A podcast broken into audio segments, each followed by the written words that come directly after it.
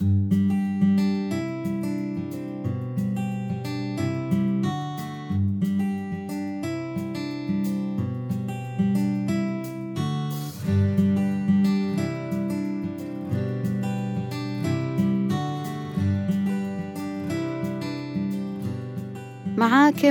سوسن آل إدريس وبودكاست رحم الله والديك.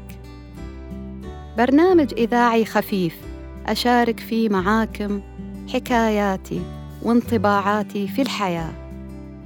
اللي أرجو إنها تلامس وتر كان موجود في وجدانكم لكن كنتوا غافلين عنه أو مهملينه بحيث إنكم بعد ما تسمعوني تدعولي وتقولوا رحم الله والديك. خليني في البداية أقول لكم سبب اختياري لهذا الدعاء الجميل. كعنوان إلى البودكاست. رحم الله والديك. هو دعاء على لساننا دايماً إحنا الخليجيين.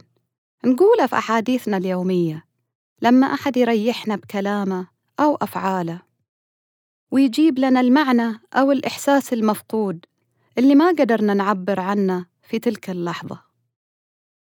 وهذا هو هدفي من البرنامج إنكم إن شاء الله بعد ما تسمعوني تحسوا بارتياح وإنه في شيء لامس وجدانكم وخاطب روحكم وعقلكم وتدعوا وتقولوا رحم الله والديك.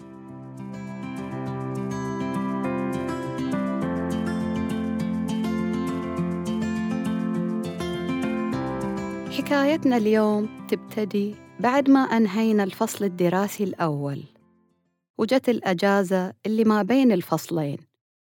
وكان مدتها أسبوع واحد.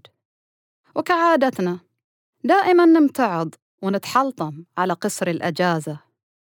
وإن إحنا نحتاج أجازة بعد الأجازة عشان نرتاح من الأجازة. حقنا مو؟ انكسر خاطري على روحي في بداية الأجازة لأني ابتديتها مباشرة ومن غير فواصل في عيادة الأسنان. وظل الألم ملازمني طول الأسبوع اليتيم بالرغم من محاولاتي لتخفيف الألم بالطرق الطبيعية والعلاجية.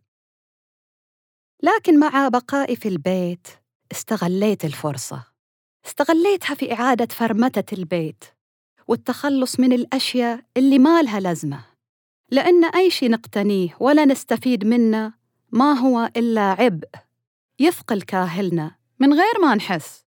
فده كان من الأشياء اللي خلتني أشعر إن أجازتي لها قيمة وثقل. أما الحاجة الثانية اللي خلتني فوق السحاب وطايرة على غيمة الأحلام هي إني قضيت أمتع أيام عمري في الثلاثة الأيام الأخيرة من الأجازة وده خلاني أعيد النظر في النظرية المعروفة إنه quality over quantity. أي أن الجودة أهم من الكمية. يعني ساعات تقضيها بسعادة وبإنتاجية ولا أيام طوال نقضيها بين السرير وتصفح السوشيال ميديا.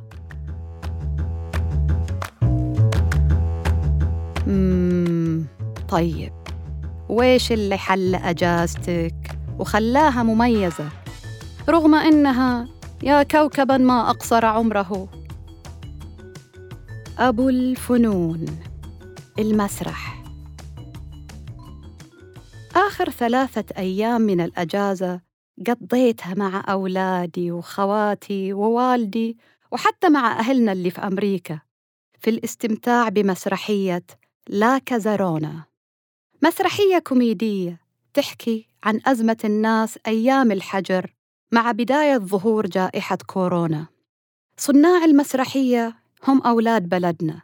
طاقم سعودي بالكامل إنتاج وإخراج وتمثيل. اللي خلانا لاصقين في المسرح لمدة ثلاث ليالي متتابعة إنه بالإضافة إلى المتعة والوناسة والضحك إن أختي كانت من ضمن طاقم المسرحية. حلم عمرنا ما كنا نتصور إن نكون من ضمن أحداثه. إنه ندخل عالم الفن الجميل وتجسيد الشخصيات المختلفة. مشاعر جميلة عشناها. حسينا إن إحنا مو على أرض الواقع وكأنه حلقنا إلى عالم اللالا لاند حيث الخيال الغير متناهي. فكانت تجربة جميلة وساحرة تسعدنا كل ما نذكرها.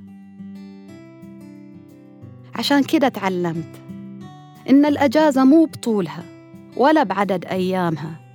لكن هي في اللحظات اللي قضيتها فيها وإنت مبسوط ومتجدد ومنتعش. ففعلا أقول لأختي ولكل من ساهم في هذا العمل الإبداعي رحم الله والديك. كنت معاك أنا سوسن آل إدريس. لا تنسى تشارك الحلقة مع اللي حواليك. وتتابعني على حساباتي في السوشيال ميديا واللي حطيتها لك في وصف الحلقة. الحين أقدر أقول لك أتمنى لك يوم جميل ورحم الله والديك.